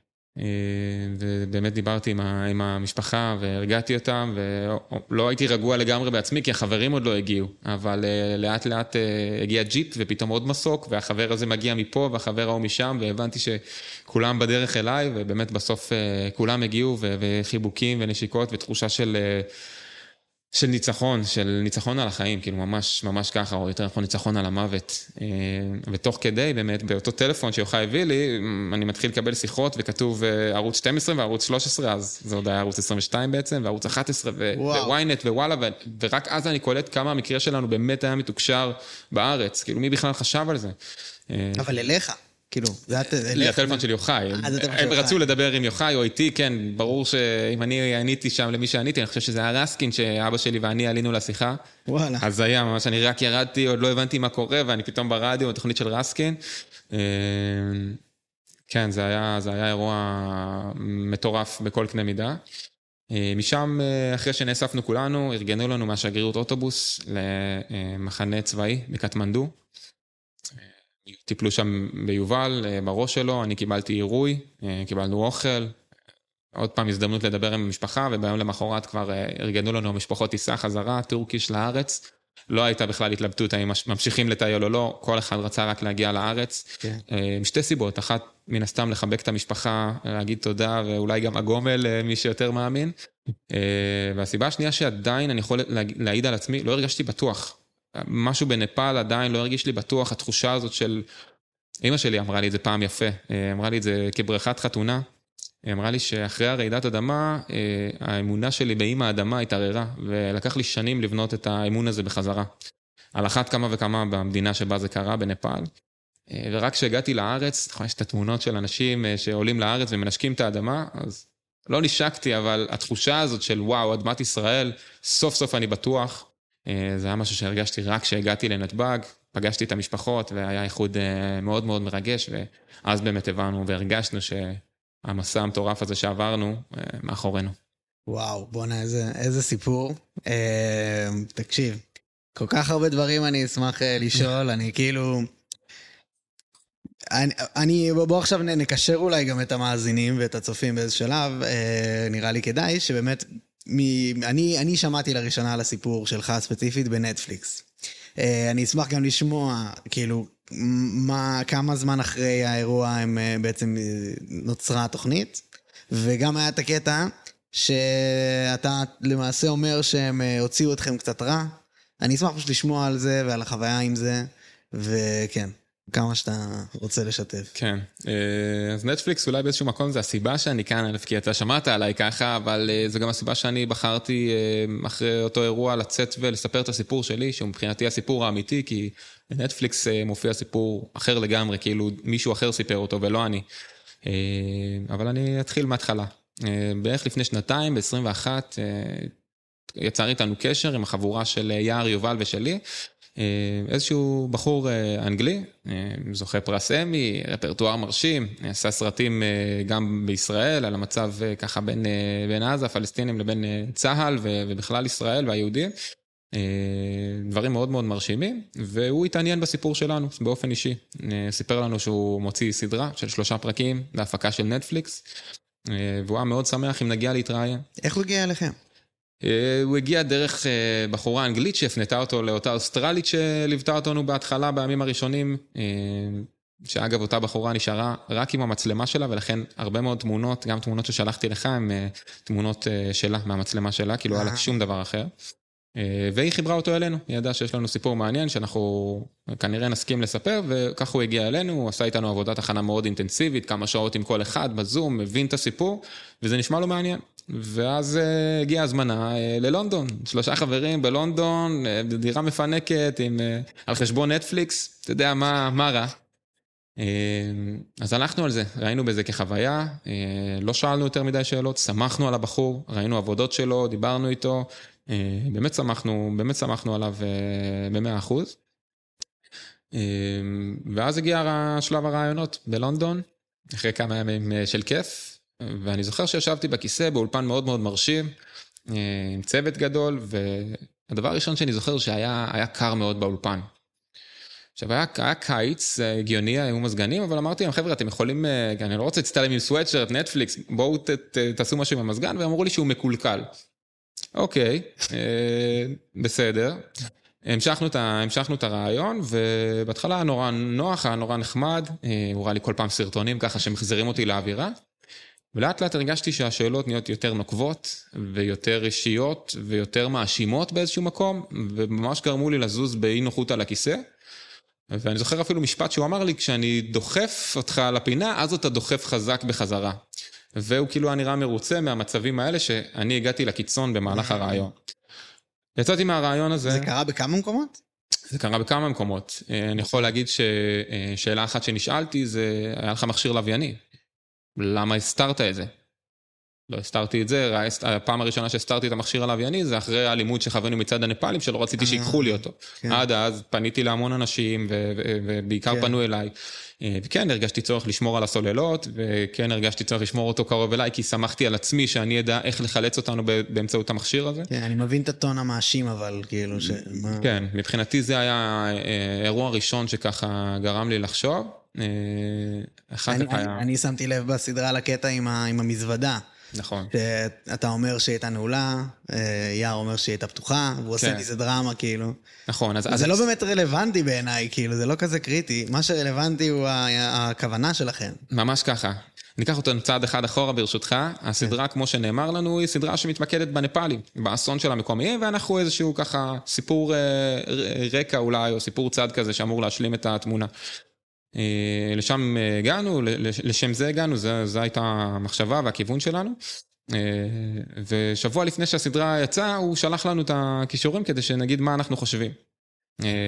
וראיתי את הפרק הראשון, שהיה ככה סקיר, סקר את, ה, את האירועים ואת, ואותנו כחבורה ישראלית, ו, וגם כמה סיפורים אחרים. בעצם הסדרה מתבססת על שלושה סיפורים, אחד מהם זה הסיפור שלנו בלנגטנג, אחד זה באברסט של כמה מטיילים, ואחד בקטמנדו של בעל מלון שאיבד אה, את אשתו ואת המלון, ובאמת סיפור טרגי. אה, רק שאצלנו הסיפור מתבסס די עלינו, התיירים, ולא על המקומיים כמו שנאמר לנו.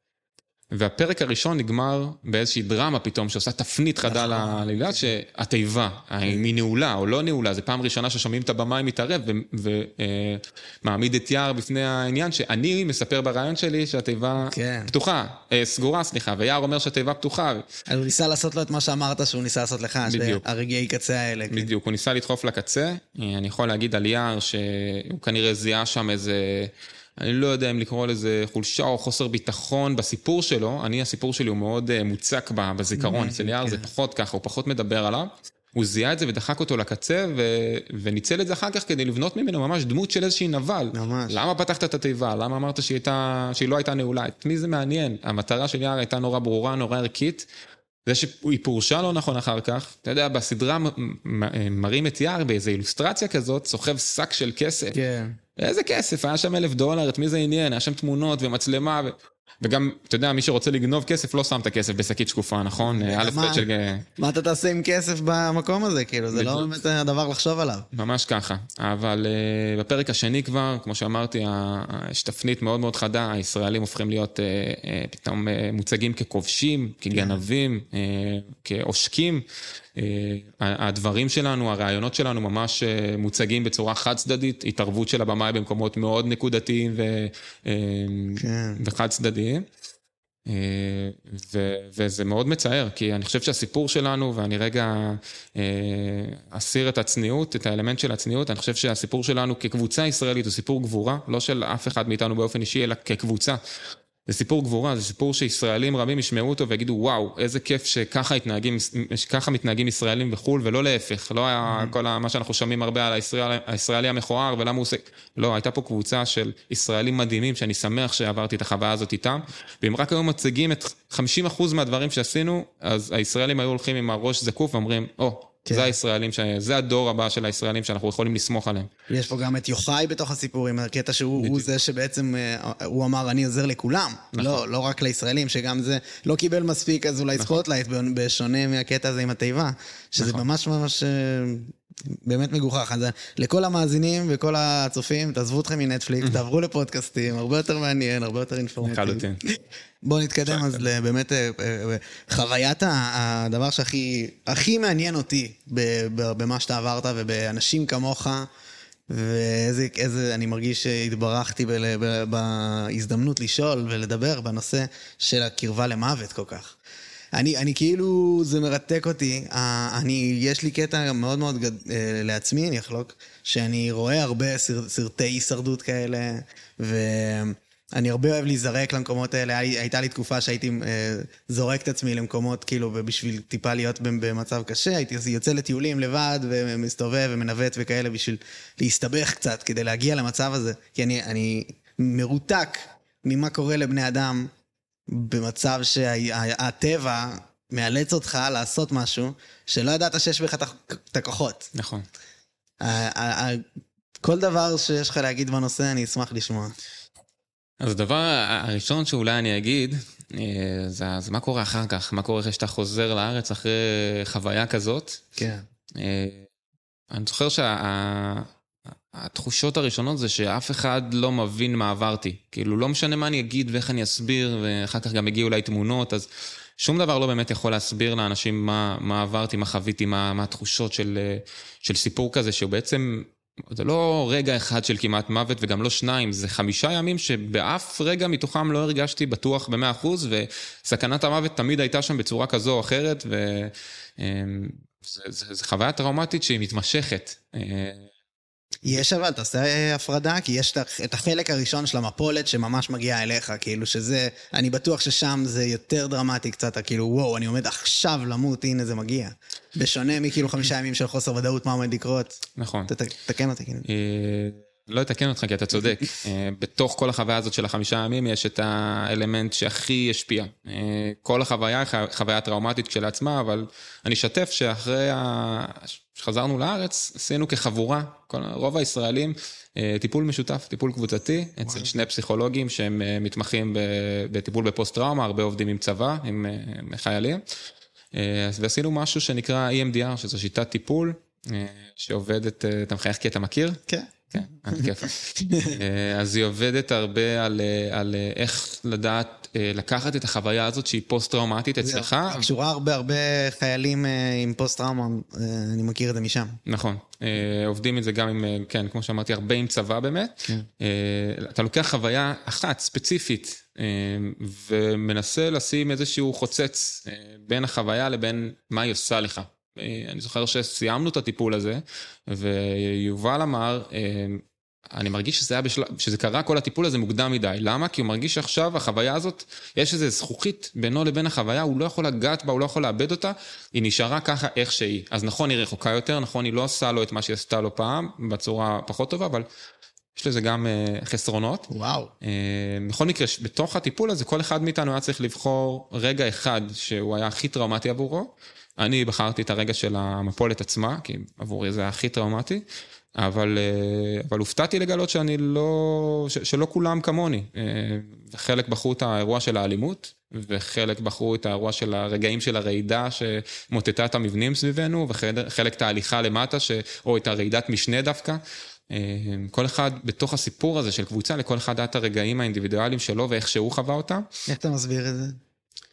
חושב שאנחנו שונים, כולנו. כל אחד מגיע עם הסיפור שלו, סל הערכים שלו, ההיסטוריה שלו, ו, וגם בתוך האירוע הזה, כל אחד היה פיזית במקום שונה בזמן, בזמן האירועים. כן.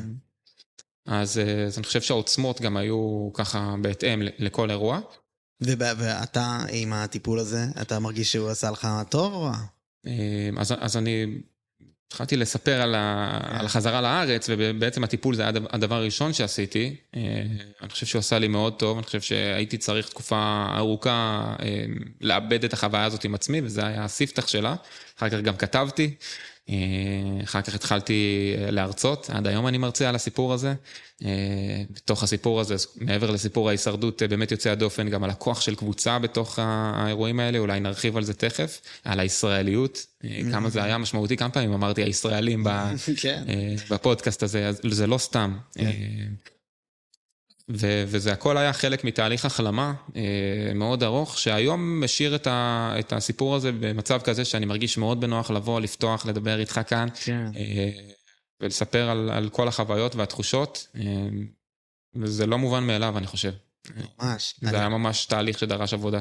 אני חושב שזה גם מודעות ממש גדולה ללכת לעשות אותו. אה, לא כולם אה, מצליחים, ומעניין אותי גם פשוט יש הבדל בין, אה, לצורך העניין אמרת על ה-EMDR, אני חושב שחיילים בצבא שמשתמשים ב... ש... שצריכים לטפל בפוסט-טראומה שלהם, לא תמיד זה בגלל אירוע, אלא זה בגלל חוויה מאוד מתמשכת, של שנים לפעמים, של איזה משהו אה, שמטלטל את המערכת. לחלוטין, זה יש- מדויק. פה יש רגע אחד. אה, זה כאילו טראומה מסוג ש... ש... אני חושב שבאמת מה שאתה עושה זה אולי הדרך היחידה אפילו להתמודד איתו, לדבר עליו ולגעת בו ולעשות דברים כאלה. אה, ואמרת שאתה עושה הרצאות היום, ו... כאילו, אמרת שאתה כותב, אה, אני אשמח לשמוע את התוכניות של מה המסר להעביר ובאיזה אופן אתה רוצה ולמה. ו... אז uh, כרגע הסיפור הוא uh, בתוך המגירה, מקווה שיום אחד הוא יצא. אני אגב, לא, בכובע אחר שלי, אני uh, מנהל מחלקה בהדסטארט, שמי שלא מכיר, זה פלטפורמה למימון המונים, שמוציאה בין היתר ספרים, uh, מגשימה חלומות של אנשים, uh, ביניהם סופרים, אז אולי אני אנצל, אולי אני אנצל כן? את היכולות שצברתי שם יום אחד ואוציא את הספר. מה, ב- לעשות קמפיין גיוס המונים לעצמך? כן, כן, אולי. אני אתמוך. תודה. אז, אז זה, זה לגבי הספר, ולגבי ההרצאה, אני חושב שא' זה דרך התמודדות שלי. אה, מעבר לזה, באמת אחרי אה, נטפליקס וכל הסיפור שהיה שם, החלטתי שאני, אה, אם עד אז, אם עד אז ההרצאה הייתה ככה מפה לאוזן, ובעיקר חבר ששמע היה מפנה לחבר אחר, או דרך המשפחה וכזה, עכשיו, עכשיו אני לוקח צעד, צעד יותר פעיל, ומתחיל לשווק את עצמי, כי חשוב לי שאנשים ישמעו את הסיפור, חשוב לי שאנשים ישמעו את הסיפור ויהיו גאים בישראלים, ויבינו באמת מה קרה שם. אה, ובתוך ה, הדבר הזה, בתוך ההרצאה, אני מספר הרבה על החברים שהיו איתי, על הכוח שהם נתנו לי והענקנו אחד לשני, על יובל שקם בחמש בבוקר ואומר חברים עכשיו עובדים, ועל הרגעים שאנחנו חיזקנו אותו או אחרים כשהם אה, היו ככה ברגעים קשים יותר, אה, על האחווה שהייתה לנו, למשל אני מספר בהרצאה על הקטע של, אה, שהחלטנו בתור, בתוך הקבוצה של הישראלים שאסור להגיד לא. מה הכוונה? היינו מעבירים ככה כוס של אורז או כוס של קפה בין אחד לשני עד שהיא הייתה חוזרת אליך. אז החלטנו, "אה, חבר'ה, מעכשיו אסור להגיד לא, מישהו נתן לך משהו, אתה לוקח. אה, והדבר האחרון זה הרוח הישראלית. אה, כמה עוצמות היו לה שם, כמה זה חיבר אותנו. אני חושב שישראלים מתחברים בעיקר בשני מצבים, נכון? ברגעים של אה, שמחה ואושר וחתונות, וברגעי מצוקה, ברגעים קשים של עצב. וזה בהחלט מה שהיה כאן. אה, ביום הראשון כבר ידעתי, בלילה הראשון, שלחתי את השמות של כולם למשפחה, וידעתי בדיוק אה, ככה אה, איפה גר כל אחד, ואיפה הוא שירת בצבא וכזה. ולעומת זאת, ביום השלישי הגיע אליי איזה בחור קנדי בשם ג'ון, שהתיידדתי איתו, ואמר לי, שחר, לא תאמין, גיליתי שיש פה עוד זוג קנדי. וואלה, מגניב, אתה גילית את זה ביום השלישי, אני כבר כן. יודע בדיוק מה, מי ומה כל הישראלים שאיתי, ו... כן. אז, אז זה משהו שמאוד מייחד את הישראלים, וכמובן הדבר הזה של קידוש החיים, לא סתם הגיע מחלץ ישראלי ממדינה כל כך קטנה, איתנו אמריקאים וקנדים וגרמנים, ובסוף מי הגיע? מחלץ ישראלי שחילץ את כולם, עד אחרון התיירים או הנפאלים שרצו אה, חילוץ. וזה מדהים בעיניי. אה, בית החולים השדה שפתחו בקטמנדו, אתה יודע, הנפאלים חושבים שישראל היא מעצמה עם כל כוחות החילוץ והרפואה שנשלחו לשם. אנחנו אה, אנחנו- כלום ושום דבר, מעצמה אנחנו כן, אבל אה, שום, כלום ושום דבר מבחינת כמות האנשים פה. כן. וזה מדהים לראות את זה, באמת מדהים. אז מבחינתי, אה, זה, זה הייעוד שלי כרגע, אה, במקביל לעבודה שלי כמובן. מדהים. אני אה, נוסע בכל הארץ ומספר את הסיפור האמיתי של. מה שקרה מנקודת המבט שלנו. מה אתה מנסה להשיג? אז אני חושב שאת הדבר הזה, ש, שכולם ישמעו את הסיפור, Mm. אה, אני, אני אתן לך דוגמה. אחרי שכל העניין הזה התפוצץ בנטפליקס, קיבלנו הרבה תגובות, ביניהן תגובות שליליות. אה, כמו שאתה יכול אה, להעריך, הטוויטר געש, הישראלים, הכובשים, הגנבים, השקרנים. בוא נגיד שמי ששונא ישראלים, זה נתן לו עוד דלק לתוך אה, להבת השנאה הזאת. אז מה, לתאר את השם חשוב לך. פעם אחת זה לתאר את השם, ואחרי שכל הסיפור הזה התפוצץ, הרגשתי צורך פעם ראשונה לכנס את האנשים שקרובים אליי, ולספר להם את הסיפור מזווית, מהזווית שלי, אולי פעם ראשונה מעבר ככה למשפחה הקרובה. אה, והזמנתי המון אנשים, אירחו אותנו בהוד השרון, אז ככה הגיעו גם אנשים שלא הכרתי, פתחו את זה לציבור הרחב, אני חושב שהגיעו בערך 150-160 איש לשמוע את הסיפור. אה, ובסוף ההרצאה הרים יד איזה בחור שלא הכרתי דווקא, והוא אמר לי, שחר, אני חייב להגיד לך משהו. לפני שבוע ראיתי איזו סדרה בנטפליקס, קוראים לה אפטר שוק, במקרה אתה מופיע שם. ראיתי את הסדרה ועלו לי, הדם, ועוד פעם הישראלים, ולמה הם מתנהגים ככה בחו"ל, ואי אפשר לסמוך עליהם שם, ואיזה שם רע הם מציירים לנו. וכל הדברים האלה. וכמה ימים אחר כך הגיעה אליי אשתי, הוא מספר, ואומרת, תשמע, יש איזו הרצאה נחמדה פה ליד הבית, בחור בשם שחר בא לספר על הסיפור בנפאל, והוא עשה אחד ועוד אחד, ואמר, מה אני צריך לשמוע אותו, הרגע ראיתי אותו בנטפליקס. אבל בכל זאת הוא בא, אולי כי זה היה בחינם, אולי כי זה היה קרוב. אה, והוא אמר שהוא שינה את דעתו ב-180 מעלות, שהוא שמח שהוא הגיע, שאנחנו, הדור שלנו והקבוצה שלנו פשוט סיפקה גאווה לישראל, ושזה בושה שככה הציגו את הסיפור בנטפליקס, ושהוא גאה בנו, וגאה בדרך שבה פעלנו ובערכים שהובילו אותנו בתוך הכאוס הזה. כן. אה, וזה מה שאני רוצה להשיג. אני רוצה לספר את הסיפור האמיתי, להסב גאווה לכמה שיותר ישראלים, אה, ולגעת בכמה שיותר לבבות גם אולי באיזשהו מקום. כן, יש לך בעצם משהו ייחודי, שאתה קיבלת את החיים במתנה בהזדמנות שנייה. אז זה גם לחלוק את זה, אני בטוח שזה מעולה, אה, שזה כאילו נותן מלא לכל מי ששומע, לי זה נותן הרבה, אני יודע. אבל אה, איך זה השפיע על החיים שלך, אם אפשר לשאול? כאילו, קיבלת את החיים במתנה. וזה, הרבה מאיתנו לוקחים את הדברים האלה כמובן מאליו, ואני חושב שרק מישהו שהיה במצב שלך יכול להסתכל על זה מהזווית שלך, אז כאילו איך... אז uh, אני אגיד לך משהו שאולי טיפה יבאס אותך, או כי הוא לא uh, כזה סקסי, אבל uh, אני חודשיים אחרי כל האירוע הזה כבר מצאתי עבודה וחזרתי לחיים, והמילה שהכי ליוותה אותי בתקופה הזאת זה השגרה, כי לא האמנתי כמה מהר אחרי מקרה כזה, שבאמת הוא היה משנה חיים וקרוב למוות והכל, כמה מהר אתה חוזר לשגרה, וכמה מהר אתה חוזר למוכר, והשגרה הזאת עוטפת אותך, ו- ואתה פתאום במרוצת החיים, ואתה יודע, צריך לשלם שכר דירה, או אה, ארנונה, ו- ו- ודלק לרכב, ו- ו- כן. ואתה פשוט אה, סוג של חוזר לחיים. אתה ראית את, אה, את אה, שאולי ואירנה בבית חולים במקרה? בטח. אז הסוף, אה, הוא בעצם אומרים לו, סורי, אם מישהו לא ראה את זה ואני הורס לו, אני מצטער, הייתם צריכים לראות את זה עד עכשיו. שבסוף הוא בעצם מחלים, והוא כזה מקבל את החיים במתנה, וזהו, אז הם יורדים לחניון, והוא אומר לאירנה, אני רוצה הערב ללכת לים, וזה וזה, הוא לו, מה הים, יש קניות, יש סידורים, וזה וזה, אז רצית לחיות, זה החיים, בבקשה. בול. אז זה ממש הזכיר לי בדיוק את מה שאתה אומר, זה באמת, אה, בסוף כן, בסוף החיים זה השגרה וזה הדברים הקטנים. כן. היום-יום הזה. ממש ככה, ובתוך השגרה, עד היום אגב, אני מנסה להזכיר לעצמי מדי פעם, ככה באופן יזום, גם את, ה, אה, את העובדה, ש, את, את החיים עצמם, שזה בכלל לא מובן מאליו. אה, אני ממש, יש לי נקודות שאני מזכיר לעצמי ופותח את הסיפור שכתבתי וקורא, או מנסה ללמוד עוד על הרעידה וליצור קשר עם אנשים, כי אני עדיין באיזשהו מקום חי את האירוע הזה, כי הוא מזכיר לי, הוא מזכיר לי ששום דבר פה לא מובן מאליו. Mm-hmm. אה, ולמרות השגרה שציינתי, הוא, הוא, אני כן, יש לי את התחושה הזאת של, אה, אה, של יותר לחיות. לא לפחד, אתה יודע, כל אחד יכול לעלות על ה- על ההגה, אה, חלילה, יש פה הרבה ששומעים ונוהגים, אז אה, אה, להיות מרוכזים, אבל כל אחד יכול לעלות על ההגה ו- ולהיות, אתה יודע, מעורב בתאונה ולאבד את החיים באותו רגע, וזה לא אומר שאנחנו לא נעלה על ההגה, זה לא אומר שלא נצא מהבית, זה לא אומר שלא נבלה ולא נצא, ואתה יודע, קיבלנו טוקבקים על הכתבות שפרסמו עלינו אחרי נפאל, שאמרו, מה בכלל יש לכם לחפש בנפאל, למה ללכת למקומות מסוכנים? אה, אבל, אבל להפך, אני ממשיך לחיות, אה, אני ממשיך לעשות את הדברים האלה, יש גם חלום לחזור לנפאל וללנגטנג אה, ולהשלים את הטרק שלא השלמנו. וואלה. כי, כי אתה יודע, זה פשוט יכול לקרות בכל רגע, בכל מקום, ואנחנו, מה שנשאר לנו זה פשוט לחיות את החיים שלנו הכי טוב והכי הכי כיף שאנחנו יודעים. כן, יש פרדוקס כזה מאוד מוכר, שזה בעצם, ככל שאתה יותר מפחד מהמוות, ככה אתה פחות חי, או הפוך, ככל שאתה יותר... אה, נראה לי שהפוך, לא משנה, אבל כן. אה, ואוקיי, אני אשמח פשוט שניגע בעוד בנושא של הצבא. אה, כי אמרת באיזה מילה שבזמן ה... אה, אני לא זוכר אם אמרת את זה, שזה היה בזמן שם בנפאל, או שזה היה אחרי, דיברת על זה עם חברים וכאלה, אבל השווית בין להיות במומנט הזה לבין מלחמה, ואמרת שזה לא אותו דבר. אשמח טיפה יותר שתיגע בזה. אה, אז קודם כל, אה, יש הרבה קווים דומים וחופפים באירוע כזה של, אה, של מ-0 עד- מ-0 כן. ל-100, באירוע שאתה פועל מתוך אינסטינקטים ויצרים, ואתה יודע, לא חושב ב- בהכרח באופן אה, אה, צלול, וכמובן שהדבר שהוא הכי מקשר בין שני הדברים האלה זה הרצון, אה, הפחד מהמוות או הרצון לחיות, כן. אה, כי הסכנת, סכנת המוות מרחפת מעל הראש שלך כל הזמן, בשני האירועים האלה. ההבדל העיקרי, זו שיחה שהייתה לי עם יובל, שאני אשתף פה שיובל היה בצוק איתן, ביחידת מגלן. אתה מה? היה בתוך עזה, אני תותחן. אז אה, אנחנו אה, לג אחורה. כן. אה, ויובל אמר, אה, בלי לחשוב פעמיים, שהסצנה שהוא חווה ב- בעזה, על כמה שהיא הייתה אה, מפחידה, עוצמתית ושולבה בסכנת, לוותה בסכנת חיים לא פעם, בנפאל הייתה מאתגרת ומפחידה הרבה יותר.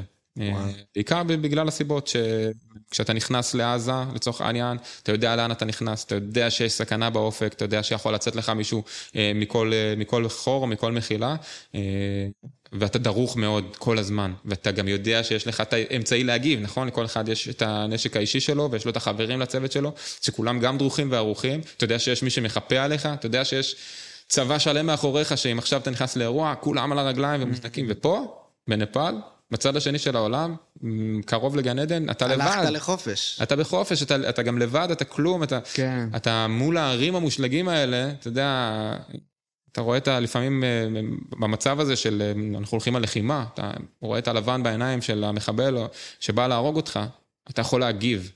יש לך את האפשרות, אמרנו fight or flight בהתחלה, יש לך את האפשרות לשמור על החיים שלך באמצעות אה, השבת אש, לצורך העניין. כן. ופה, כשאתה מסתכל על ההר, ששחררה לך את מפולת השלגים הנוראית הזאת, כן. אין לך איך להגיב, אין לך איך להציל את עצמך, רק, רק אולי לברוח ולקוות שזה ייגמר בטוב. אתה מבין בנקודה הזאת כמה אתה קטן לעומת הטבע האדיר הזה. אה, כמו שאמרת על הכעס על אימא האדמה. נכון. כן, אני ממש מבין.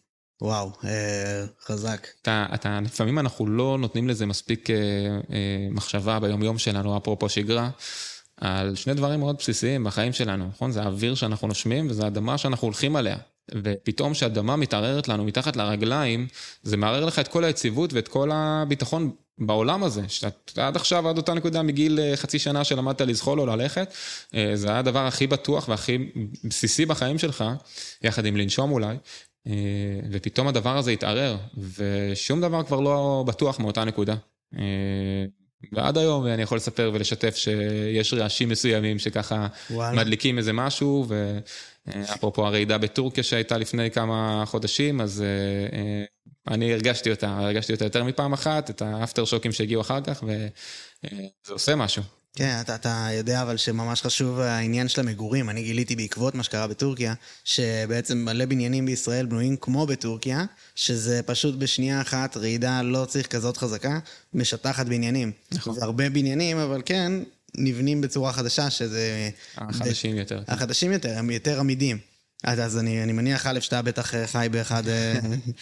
אה, זה הנחה שהיא הגיונית, אבל... אבל לא. דווקא נכונה. אני זוכר שעברנו לבניין הנוכחי לפני שנתיים, ואשתי אמרה לי שזה בניין ישן, אחלה דירה, אבל בניין ישן, וקומה שביעית.